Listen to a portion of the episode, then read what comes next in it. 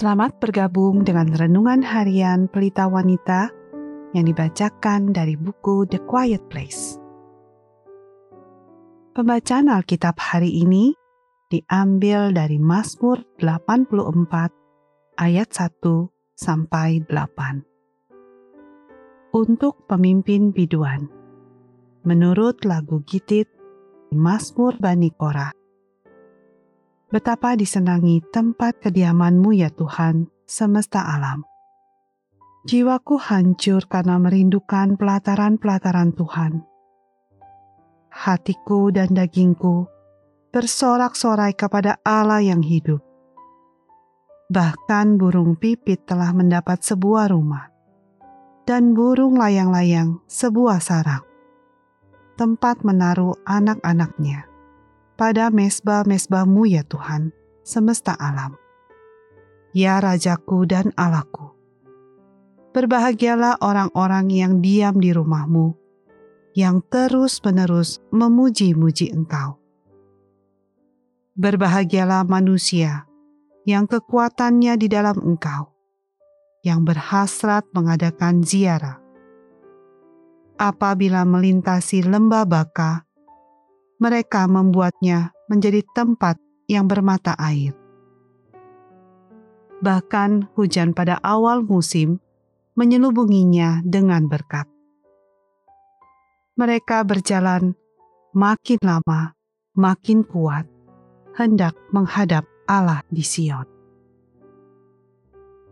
Ayat kunci hari ini adalah dari Mazmur 84 ayat 7 apabila melintasi lembah baka, mereka membuatnya menjadi tempat yang bermata air.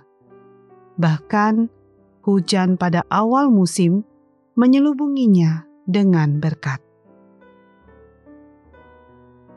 Pemberi kehidupan versus pengambil kehidupan. Sebagai penutup pembahasan beberapa hari terakhir ini mengenai tanda yang membedakan sikap bersyukur saya harus mengakui bahwa kecenderungan alami saya bereaksi terhadap orang yang sulit dan keadaan yang tidak mudah adalah dengan cara yang negatif. Ketika ditanya bagaimana kabar saya, hal pertama yang muncul di kepala saya sering kali adalah beban yang saya pikul, tantangan yang saya hadapi, atau batas waktu untuk menyelesaikan pekerjaan saya. Mungkin hal yang sama juga terjadi pada Anda. Tetapi, apa yang kita katakan kepada orang lain ketika kita dengan begitu cepat mengungkapkan kekhawatiran kita? Bagaimana sikap kita ini mencerminkan Tuhan yang memiliki kita? Dan apakah kita heran ketika ada orang mengantri di depan pintu kita untuk bertanya bagaimana mereka bisa mengenal Dia. Orang yang penuh rasa syukur memberikan kesegaran seperti mata air pemberi kehidupan. Sementara orang yang tidak tahu berterima kasih adalah pengambil kehidupan dan perampok sukacita. Ini bukan berarti sama sekali tidak ada waktu dan tempat yang tepat untuk berbagi masalah kita dengan teman yang peduli kepada kita.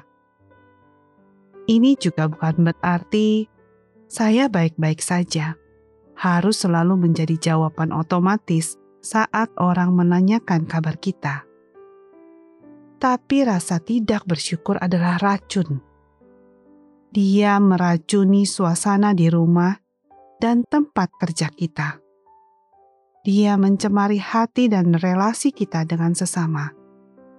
Kita mungkin terobsesi untuk membersihkan meja kita dari bakteri, tetapi tidak ada yang lebih cepat untuk menulari orang-orang di sekitar kita daripada rasa tidak tahu berterima kasih. Dan satu hal lagi, sikap bersyukur juga bisa menular secepat kembarannya yang jahat, yaitu sikap tidak berterima kasih.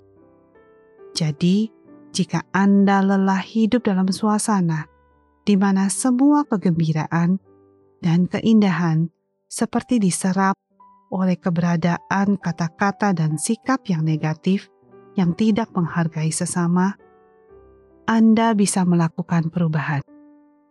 Anda dapat menjadi tipe orang yang selalu Anda inginkan untuk berada di sekitar Anda, yaitu tipe orang yang membuat Tuhan Yesus dan Injilnya menarik bagi semua orang yang mendatanginya. Sebagai penutup, mari kita renungkan pertanyaan ini. Ada dua jenis orang yang penuh rasa syukur dan yang tidak tahu berterima kasih. Penyembah dan pengeluh. Anda termasuk jenis orang yang seperti apa?